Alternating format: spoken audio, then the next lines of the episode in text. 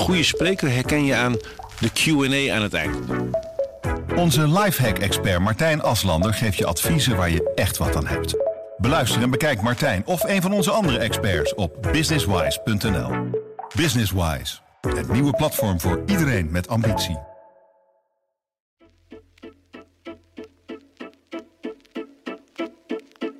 Hoi, hallo. Je luistert naar Haags half uurtje, de politieke podcast van Trouw.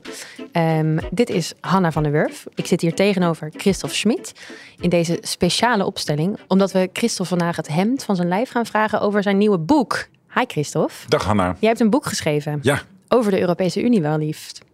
Niet mis. Niet mis. En dan ook nog eens gepubliceerd in een week, uh, een speciale week voor de EU. Ja, want, het was Europadag 9 mei. Het was Europadag. Uh, dat is de herdenking, of de herdenking, de viering eigenlijk van het begin van het Europese project in 1950, de Schuman-verklaring. Uh, en dat wordt in heel veel landen gevierd. In Luxemburg is het zelfs een vrije dag. In Nederland is het helaas nog niet zo ver. Maar veel mensen die de EU wel gezien zijn, die steken dan de Europese vlag uit. Nou, over het sentiment de EU welgezind zijn, jouw boek, dat heet De EU bestaat niet. Um, waarom? Waarom ik dat heb geschreven? Uh, ja, ik, uh, nou, ik heb acht jaar in Brussel gezeten als EU-correspondent voor Trouw. Um, en ik ben daar niet meer EU-welgezind van geworden en ook niet meer anti. Ik heb geprobeerd om het midden een beetje te bewaren. en de titel van het boek is dus, zoals je al zei, geloof ik, de EU bestaat niet. dat is een beetje, ja, laat ik zeggen, die titel komt eigenlijk uit het hoofdstuk over de coronacrisis. want misschien weet je nog hoe dat is begonnen in februari, maart 2020. toen brak die pandemie opeens uit en toen deed elk land zijn eigen ding. Nederland die deed dat en België die zette containers bij de grens. Uh, en op dat moment bestond de EU ook echt niet. Die was gewoon niet bij machten om naar enige lijn in dat paniekbeleid te brengen. En zo ben ik een beetje bij de titel gekomen. uitgeschakeld, zeg maar. Oké. Okay. Ja. En um, nou, je zei al, je hebt acht jaar in Brussel gezeten, maar waarom wilde je graag een boek schrijven over de EU? Wat, wat fascineert jou zo? Uh, ja, dat was enerzijds een beetje om voor mezelf ook de, de, gedachten te ordenen over wat ik allemaal had meegemaakt in die tijd. Want er zijn natuurlijk heel veel crises geweest. Uh, migratiecrisis, de brexit was natuurlijk een enorme klap voor het hele project. Maar ook superspannend uh, journalistiek. En nou, wat hebben we nog meer gehad? de Griekse crisis, daar begon het eigenlijk helemaal mee. asiel- en migratiecrisis is natuurlijk eigenlijk nooit gestopt. Um, dus op een gegeven moment probeerde ik daarin te ontdekken wat nou de democratische krachten zijn in, in zo'n proces. Democratische krachten? Ja, in, in hoeverre hebben parlementen, of dat nou in Brussel is of in de lidstaten, in hoeverre hebben die vat op zo'n crisis? In hoeverre kun je zeggen van wij als burger hebben enige uh, inspraak en zeggenschap op de manier waarop zo'n crisis wordt opgelost of juist niet wordt opgelost? Uh, en gaandeweg kwam ik eigenlijk tot de ontdekking dat elke crisis zijn eigen aanpak kent. Met de ene keer heel veel democratische inspraak en de andere keer heel weinig. Uh, en dat daar eigenlijk ook helemaal geen patroon in is te ontdekken. Er is niet zo, zoiets als een ondemocratisch monster in Brussel dat alles voor ons beslist en waar wij steeds aan de zijlijn machteloos staan toe te kijken. Um, dus het is, uh, ja, dat is ook een beetje een reden om het boek zo te noemen. De EU bestaat niet. Of de EU bestaat niet, hè, want er staat een streepje op de E. Mm -hmm. uh, bij elke crisis moet die EU weer helemaal opnieuw worden uh, vormgegeven. Hè. Al die landen die kijken elkaar aan en die zeggen hoe gaan we dit nou eens oplossen met de instrumenten die we hebben. En die instrumenten zijn niet altijd ruim voorradig in Brussel. En nou, jij ging acht jaar geleden dus, uh, vertrok jij vanuit Nederland richting, uh, richting België naar Brussel. En was dit dan ook het grootste misverstand dat je had? Dat je dacht de EU is één groot functionerend orgaan en het, het ja, het werkt allemaal samen? Ja, dat idee had ik ook. Ik denk dat ik ook het, het vooroordeel, als je het zo mag noemen, had, wat heel veel mensen hebben. Namelijk dat het een heel ingewikkelde, on, ondoorzichtige organisatie is, waar je normaal mensen eigenlijk niks van begrijpt. Uh, ik denk dat, ik bedoel, toen ik nog in, in Amsterdam woonde en ik zag die EU passeren, heb ik dat waarschijnlijk ook gedacht. Maar ik kwam er eigenlijk vrij snel in Brussel achter dat het toch iets anders is. En dat het als journalist ook best een toegankelijke organisatie is. Dat je heel veel mensen te spreken krijgt, dat je heel veel voorinformatie soms krijgt. Dus met die ondoorzichtigheid viel het reuze mee. Dat was een van mijn eerste ontdekkingen. Dus dat was eigenlijk dan jouw grootste vooroordeel, het feit dat eh, eh, jij ervan uitging dat Brussel totaal niet transparant was. Weet je nog het moment waarop je daar een beetje van afstapte van dat idee? Um, nou, dat was gaandeweg, denk ik, in Brussel. Ik weet niet of daar een heel specifiek moment uh, voor aan te wijzen is. Maar het, vooral sinds ik nu bijna twee jaar in Den Haag werk als parlementair verslaggever hier. Um, dan merk je pas wat je mist aan, aan Brussel, zeg maar de Brusselse politiek. En dat zijn vooral ja, je hebt daar heel veel briefings voor journalisten. Dus uh, gelegenheden waarbij ambtenaren uitleggen hoe bepaalde voorstellen in elkaar zitten. Heel ingewikkeld soms over de bankenunie of over dieselmotoren of nou, de gekste dingen, maar allemaal ingewikkeld. Uh, en dan krijg je in Brussel heel vaak word je als journalist geholpen met het begrijpen van die dingen. Uh, en vaak al ruim van tevoren. Hè, dan zeggen ze van volgende week komt de commissie met dit en dat voorstel. Weet je wat, kom even naar ons toe en we leggen uit wat je kunt verwachten onder embargo. En dan kan je dat een week later kan je dat met een uh, gezonde professionaliteit kan je dat presenteren. In Den Haag heb je die briefings niet. En dat gaat soms ook over ingewikkelde zaken. We hadden deze week nog die bed, bad, brood regeling. Dat is die opvang van uh, uitgeprocedeerde asielzoekers. Dat was eigenlijk ook een best ingewikkeld onderwerp waar ik niks van wist. Uh, en s'avonds ploft er dan uh, in de mail een brief van staatssecretaris van de Burg. totaal onbegrijpelijk, zonder enige context. en een technische briefing, zo maar. Uh, dus dan moet je als journalist hier echt heel erg je best doen om dat in hele snelle tijd te begrijpen. En in Brussel word je iets meer geholpen wat dat betreft. Wat ook gewoon de kwaliteit van je berichtgeving en dus de informatievoorziening aan de burger uh, veel groter maakt. En, um, maar is het ook niet zo dat in Brussel gewoon aanzienlijk minder journalisten zitten? Relatief, ja, kijk, er zit natuurlijk in Brussel heel veel journalisten, omdat het 27 landen uh, aangaat. En er zijn ook veel Chinese journalisten, zeg maar heel veel landen die niet eens EU-lid zijn, die hebben daar ook journalisten zitten. Maar als je inderdaad relatief kijkt per land, hè, we zitten hier in Den Haag natuurlijk met een Haagse redactie van, uh, nou met hoeveel zitten we? Vijf, zes, uh, zeven mensen. Die zijn fulltime met de Haagse politiek bezig. In Brussel is maar één correspondent. en die moet in haar eentje, in dit geval Romana Abels is het namelijk. die moet heel veel ingewikkelde dingen af, af te lopen. En heel vaak nee zeggen tegen bepaalde onderwerpen. Um, dus in die zin zijn er weinig journalisten in Brussel. En dat is misschien ook een mooi bruggetje naar um, uh, een van de conclusies uit jouw boek over democratisch tekort, maar ook soms overschot in de EU. Um, voordat we daarover verder gaan, toch nog even een vraag over die, nou ja, toch dat tekort aan die journalisten. Als er heel weinig journalisten zitten, is dat ook niet dan een beetje een democratisch tekort? Uh, ja, dat is een van de vele facetten daarvan, denk ik. Want als je uh, weinig informatie over de EU uh, aanbiedt aan de lezer, aan de kranten of aan de mediaconsument, uh, dan weet hij er ook weinig vanaf. Uh, we hebben volgend jaar Europese verkiezingen. Dan uh, weet die kiezer misschien niet waar het precies over gaat en waar hij voor moet stemmen. dus het een versterkt het ander. Dan krijg je weer een, een, een zwak parlement en zo rolt die bal maar door. Dus ja, er zijn allerlei factoren die daarin meespelen. Goed, nou dat was een, een, een kort zijpaadje voordat we beginnen aan, de, aan toch wel eventjes de hoofdvraag. Want jouw hoofdconclusie van het boek gaat over um, uh, dus democratisch tekort, maar ook democratisch overschot. En die moet je even uitleggen, denk ja, ik. Ja, dat snap ik. Een van de conclusies die ik na die acht jaar Brussel uh, trok, was dat eigenlijk uh, als iemand begint over de EU, dan is het gelijk, oh, dat is een democratisch tekort. Want dat is ontransparant en dat is, heeft geen parlementaire inspraak. En ik begon daar een beetje over na te denken, ook naar aanleiding van al die crisis die we, die we hebben zien gebeuren. En dan zie je bijvoorbeeld iets als het handelsbeleid van de EU, of het buitenlandbeleid, wat nu relevant is met de sancties tegen Rusland. Uh, als je ziet hoe die besluitvorming daarover gaat, en je gaat kijken van ja, waar zit de democratie in deze besluitvorming, dan zijn dat 28, 29, 30 parlementen die daar inspraak over hebben. Hè? Want over die sancties tegen Rusland, daar moet elk land apart uh, unaniem mee instemmen. En dan moet het parlement natuurlijk ook mee akkoord gaan. Het Europees Parlement hebben we nog.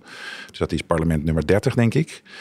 Uh, dus dan denk ik van ja, wat bedoelen die mensen nou eigenlijk als ze het hebben over democratisch tekort? Ja, democratischer er... kan niet als er 30 parlementen ja, dus toen begon ik een beetje als tegengeluid eigenlijk uh, dat democratisch overschot uh, te lanceren. Uh, hoewel dat natuurlijk suggereert dat dat ook slecht is en dat dat juist te veel parlementen zijn, waardoor ik lijk te suggereren alsof je een ideaal, ho ideale hoeveelheid parlementen hebt en dat het dan perfect is. Nee, dat, zo bedoel ik het ook weer niet. maar ik bedoel het meer om tegenwicht te bieden aan, dat, aan die mythe bijna, want dat is het, van dat democratisch tekort wat je overal hoort. Maar je zegt ook wel dat dat democratisch tekort of democratisch overschot, zoals jij het dan noemt, dat kan soms wel echt um, uh, de boel in de weg zitten. Aan beide kanten. Ja, kijk, een, een tekort is slecht, een democratisch tekort. En dat zie je soms ook gewoon in Brussel. Heb je een voorbeeld misschien? Nou, ik vond vooral in het begin met die Griekse crisis. Hè, dat Griekenland bijna uit de eurozone dreigde te vallen, CQ te stappen. Uh, en de manier waarop dat is opgelost, dat lag eigenlijk vooral bij de Eurogroep. De Eurogroep, dat is het gezelschap van ministers van Financiën van de eurozone. Het waren toen 19 landen. Was toen voorzitter was Jeroen Dijsselbloem. Uh, en dat is eigenlijk een heel schimmig gezelschap. Want dat is geen formele, dat is geen formele ministerraad. Uh, daar zit geen parlementaire dekking achter. Uh, niemand kan Dijsselbloem vanuit Brussel wegsturen als hij fouten maakt. Dus dat vond ik wel echt een democratisch tekort. Dat, dat toen echt het lot van Griekenland min of meer in die eurogroep zat. Ja, ja. En heb je dan ook misschien een voorbeeld van een democratisch overschot? Want ik neem aan dat die er ook zijn. Ja, zeker. Nou, wat ik net al een beetje noemde met handelsbeleid en buitenlandbeleid. Als je dus echt uh, als zo'n zo'n sanctiepakket tegen Rusland uh, kan stuk lopen op een tegenstem van Malta, het kleinste EU-land. Mm -hmm. uh, nou was het in de praktijk dus vaak Hongarije dat, dat uh, een beetje tegengas gaf aan die sancties. Maar als het parlement van Malta een heel ambitieus sanctiepakket tegen Rusland kan tegenhouden. Dus dat zijn een paar honderdduizend mensen die zeg maar tegen 450 miljoen andere EU-burgers zeggen van nee, wij willen dit niet. Er zijn misschien mensen die dat fantastisch vinden. Die zeggen van ja, dat is toch juist democratie. En ieder, elk land telt mee. Daar is ook wat voor te zeggen. Maar om in dat geval te zeggen het is een democratisch tekort, dat klopt denk ik niet. Maar weet jij misschien hoe er wordt besloten per dossier, wat voor, want dat heeft alles met de manier hoe er wordt gestemd natuurlijk te maken. En volgens mij zijn niet alle dossiers wordt unaniem opgestemd. Nee, zeker niet. Nee, verreweg. Ik geloof dat 80% van de EU-besluitvorming is met uh, meerderheidsstemming. Mm. Dus dan is er gewoon, dat heet dan een gekwalificeerde meerderheid. Dus dan kunnen inderdaad uh, landen worden weggestemd. Dat gebeurt ook vaak. Uh, en ja, die landen die nemen dan hun verlies en die uh, hopen dan dat ze bij dossiers die zij wel belangrijk vinden, uh, dat zij dan in de meerderheid zitten. maar daardoor loopt die besluitvormingsmachine ook veel beter. Want als, je, als elk land bij elk onderwerp vetorecht heeft, dan, dan loopt alles stuk. En dan wordt er tot diep in de nacht, vijf nachten lang onderhandeld om dat ene land aan boord te krijgen. en dan krijg je geen sterke EU. Dus in die zin zijn alle landen wel akkoord gegaan met die meerderheidsstemming omdat ze zien van ja, dat werkt beter. En daardoor kunnen we slagvaardiger optreden. En soms verlies je dan een stemming. Ja, dat is democratie. Om dan even verder te breiden op het thema vooroordelen. Um, het grootste vooroordeel wat je hier denk ik in Den Haag hoort over Brussel... is toch wel de zin, uh, Brussel, waar bemoei je je mee? Um, hoe, hoe zit dat? Bemoeit Brussel zich inderdaad overal tegenaan? Nou ja, inderdaad. Die zin uh, waar bemoeit Brussel zich mee, dat klinkt alsof uh, de EU een soort buitenaards wezen is. Dat uh, vanuit de ruimte inderdaad zich met Nederland bemoeit. Maar Nederland is lid van de EU. Sterker nog, het is een van de grootste landen. veel mensen zeggen ook, ja, Nederland is een klein land. En wordt weggestemd door de grote. Maar volgens mij is Nederland nu de vijfde economie in de EU. Dat wil zeggen dat er 22 landen kleiner zijn. Dus Nederland heeft gewoon een heel grote stem in die EU. En bepaalt ook voor een groot deel mee wat er in Brussel wordt besloten. Of het nou om stikstofwetgeving gaat of over uh, andere klimaatdoelen uh, of over economisch beleid. Nederland is een stem aan tafel en de besluiten die daar worden genomen worden meestal met instemming van Nederland genomen. Geldt ook, geldt ook voor het stikstofbeleid en de bescherming van de natuurgebieden als mensen zeggen uh, Brussel bemoeit zich te veel met ons, dan uh, is dat mede Nederlandse bemoeienis vanuit Brussel. Want uh, we hebben het allemaal zien, zien gebeuren met de besluitvorming. En aan de andere kant, als, als Den Haag bijvoorbeeld niet tevreden is met hoe Hongarije omgaat met homorechten of hoe Italië omgaat met de begroting, dan stapt Nederland onmiddellijk naar de Europese Commissie en zeggen ze van let je wel een beetje op wat daar gebeurt in Hongarije en Italië, want die gaan de regels overtreden. Uh, dus, uh, en dan zegt misschien Italië tegen uh, Brussel, waar bemoei je je mee? Maar dat zijn ook regels die mede door Italië zijn bedacht. Dus in die zin is het gewoon een, een, een, samenwerkingsverband van 27 landen. Die hebben dat helemaal vrijwillig gedaan. Die komen uit vrije wil naar Brussel om besluiten te nemen. en bemoeien zich dus met hun eigen regelgeving. En nou, ik weet niet of dit alleen maar voor Nederlandse politici opgaat, maar ehm, eh, politici die hebben er ook wel een beetje een handje van om eh, het een beetje als een soort gimmick te gebruiken, toch? Dat ze zich graag tegen Brussel willen keren. Heb je daar eh, misschien recentelijke voorbeelden van? Ja, nou zeker. Dat bijna elke week uh, rijgen die voorbeelden zich aaneen. Ja, nee, je ziet dat, dat ministers en Kamerleden die, die houden graag de mythe in stand dat inderdaad de, uh, dat Brussel zich uh, te veel met het Nederlandse beleid bemoeit. Uh, we hebben vorige maand, of is het alweer twee maanden geleden, die affaire gehad met de brief uit Brussel. Dat was Eurocommissaris Sinkevicius. Ik spreek het helemaal verkeerd uit, maar dat is de Eurocommissaris voor Milieu. Uh, en uh, er was een brief van hem uitgelekt over het stikstofbeleid. En die was uh, inderdaad gericht aan minister Van der Wal van Stikstof en Natuur. en die was vrij streng. Die zei inderdaad van ja, jullie moeten je wel aan, aan de afspraken houden over het terugbrengen van stikstofoverschotten. Hoe reageerde Van der Wal daarop?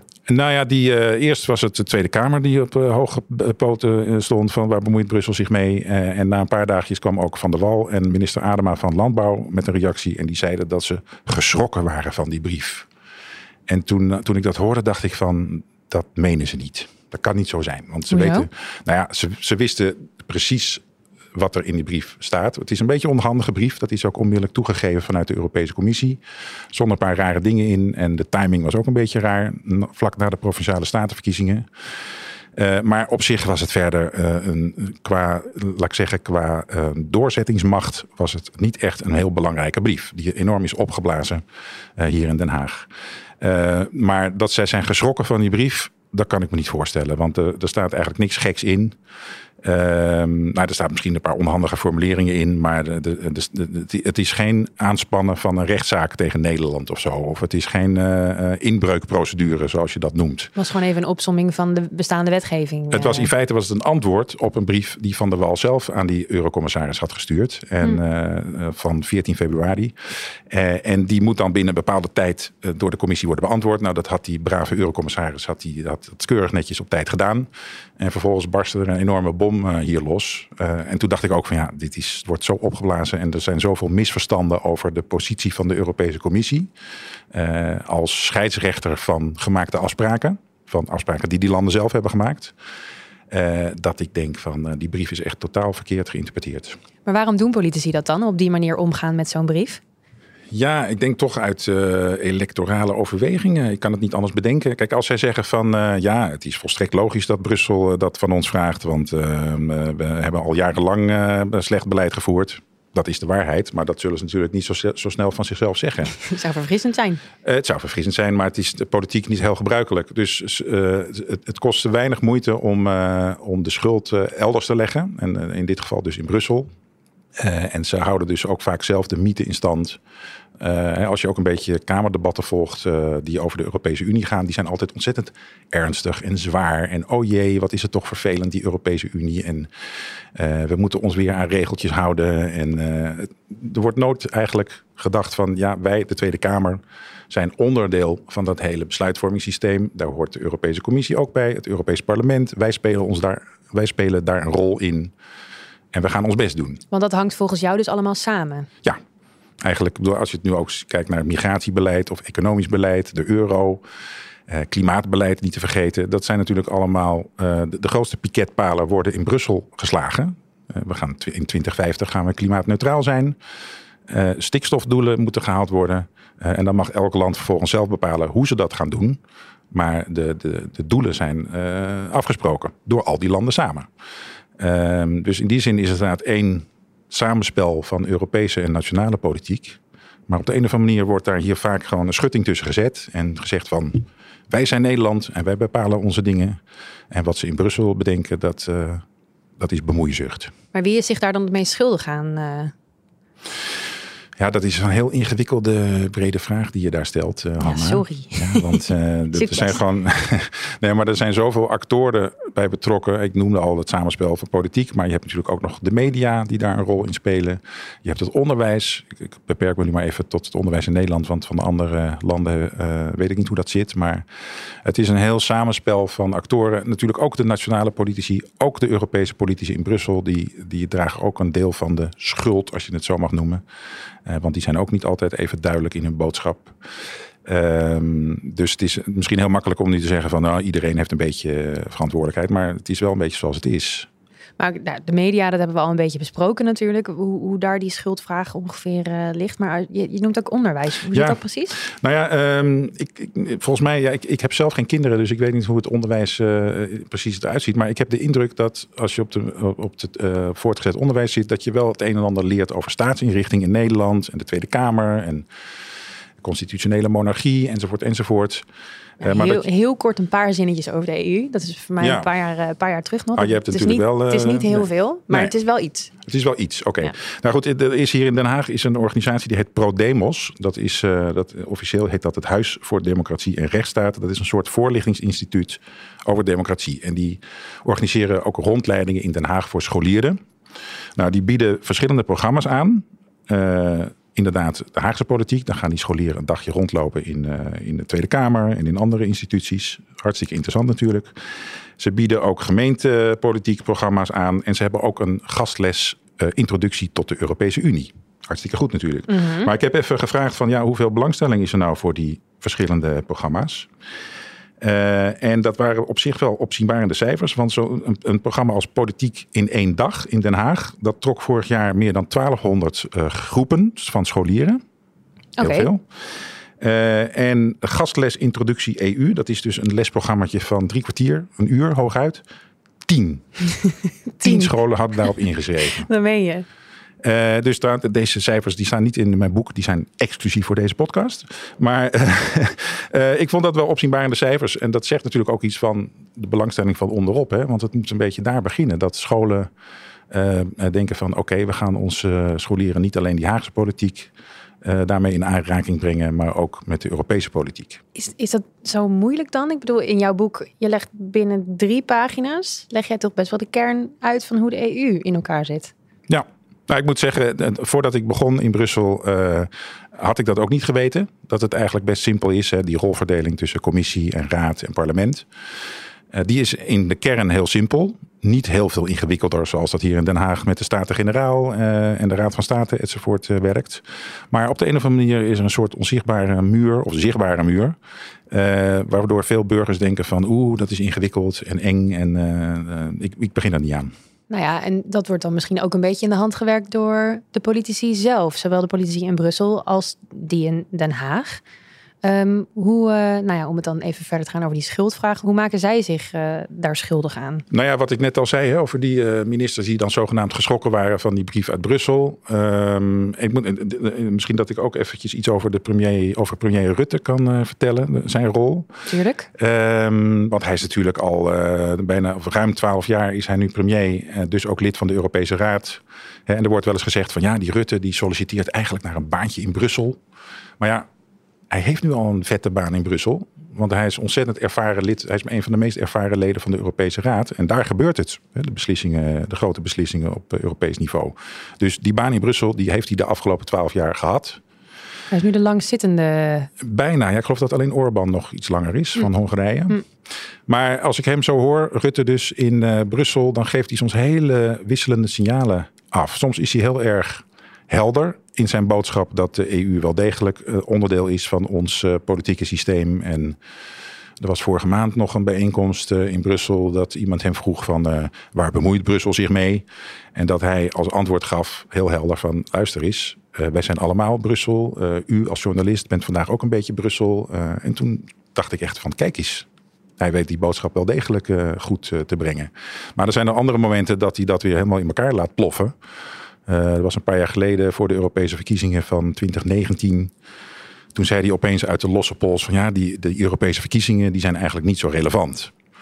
Nou ja, uh, leuk voor zijn partijgenoten die aan die verkiezingen mogen meedoen. Maar dan zo'n opmerking die uh, is dan weer fataal voor, voor het beeld dat, dat politici, verantwoordelijke politici eigenlijk zouden moeten schetsen van het belang van die EU. Maar is dat dan een strategische keuze van hem, denk je? Dat die wisselingen steeds? Mm -hmm. Zou kunnen dat hij een beetje rookgordijnen af en toe uh, neerlegt. En dan de andere keer weer heel helder is. En uh, ja, we kennen hem allemaal uh, inmiddels wel een beetje. Dat sluit ook niet uit dat hij dat bewust doet. Nou, en dan als laatste noemde je ook nog de rol van toch de politici in Brussel zelf. Ehm, en dan vooral hun eh, eh, moeite met duidelijke communicatie. Ja. Ehm, in, jouw, in jouw boek, eh, de eerste scène die jij schetst, heb je het over de eerste dag dat je, dat je vol goede moed aankomt in Brussel. En jouw oog valt op een krantje. Misschien kan je dat even vertellen. want Oh dat ja, nou ja, wel, dat eh, was ja, relatief een onbenullig incident. Of incident, maar ik kwam net aan en er was een krantje in de hotelreceptie. En eh, dat was een speciaal EU-krantje. Ik denk, goh, wat leuk, dat, daar heb ik wat aan. En daar stond echt een onbegrijpelijk stukje tekst op de voorpagina over een of andere oude affaire met een vorige eurocommissaris. Die had iets gefraudeerd en er was een rechtszaak dit en een rechtszaak in België dat. En er was geen touw aan vast te knopen. En vol met afkortingen. Vol afkortingen die ik niet kende. Eh, en toen dacht ik inderdaad van, eh, waar ben ik in vredesnaam mee begonnen met deze baan? Want nou moet ik de hele dag dit soort teksten gaan lezen en misschien zelfs zelf schrijven. Daar zag ik natuurlijk het meest tegenop. Ehm, maar goed, dat lag dus vooral aan de auteur van dat stukje die niet helemaal goed eh, punten en komma's op de goede plek kon zetten en dingen kon uitleggen.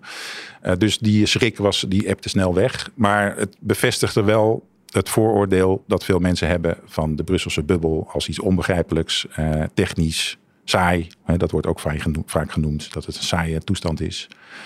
Eh, maar dat kwam ik snel achter dat dat niet klopte. Dus de politici in Brussel die communiceren dan best duidelijk. Nou ja, dit was dan een, een, een, collega van mij die niet zo duidelijk communiceerde, een, een journalist.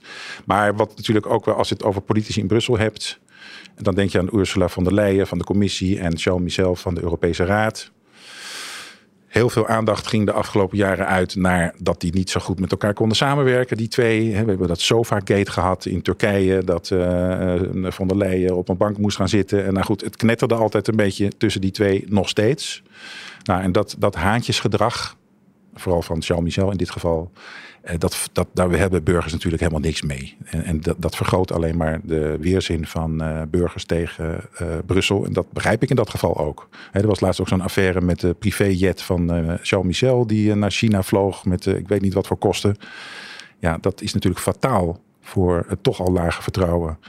Uh, van burgers in de EU. Dus in die zin is daar ook wel uh, veel werk te verzetten. Maar uh, je hebt wel degelijk een punt als je verwijst naar teksten van de Europese Commissie. Als je sommige persberichten in je, in je e-mailbox krijgt, um, die zijn soms behoorlijk ingewikkeld. En daar worden allemaal nieuwe afkortingen geïntroduceerd. Laatst was er weer een nieuwe afkorting voor een munitieprogramma. Uh, je, je weet, dat lijkt wel alsof ze daar een aparte afdeling hebben met het voor het verzinnen van uh, idiootste afkortingen. Vast wel. Uh, en uh, ook inderdaad sommige tweets van eurocommissarissen die staan bol van allerlei bureaucratische dingen. En dan, dan, dan, dat zijn ook redenen waarvan je denkt de burger knapt hierop af. Allemaal begrijpelijk. en dat moet beter. Ehm, maar goed, we moeten ook wel daarbij zeggen dat het werk van die eurocommissarissen, dat is ook gewoon behoorlijk technisch. Die moeten allerlei regelgeving en wetgeving over heel ingewikkelde dingen opstellen. Uh, migratie, maar ook economische uh, samenwerking. Uh, dus dat is heel moeilijk in Jip en Janneke taal te vatten. maar goed, dat, dat kunnen ze misschien ietsje beter hun best voor doen. Hey, en dan om een beetje af te sluiten. Um, ik vraag me nou af, jij hebt pakweg acht jaar in, in Brussel gezeten. Um, de komende acht jaar zou waarschijnlijk ook nog van alles gebeuren. Allerlei crises die op de drempel staan van de EU.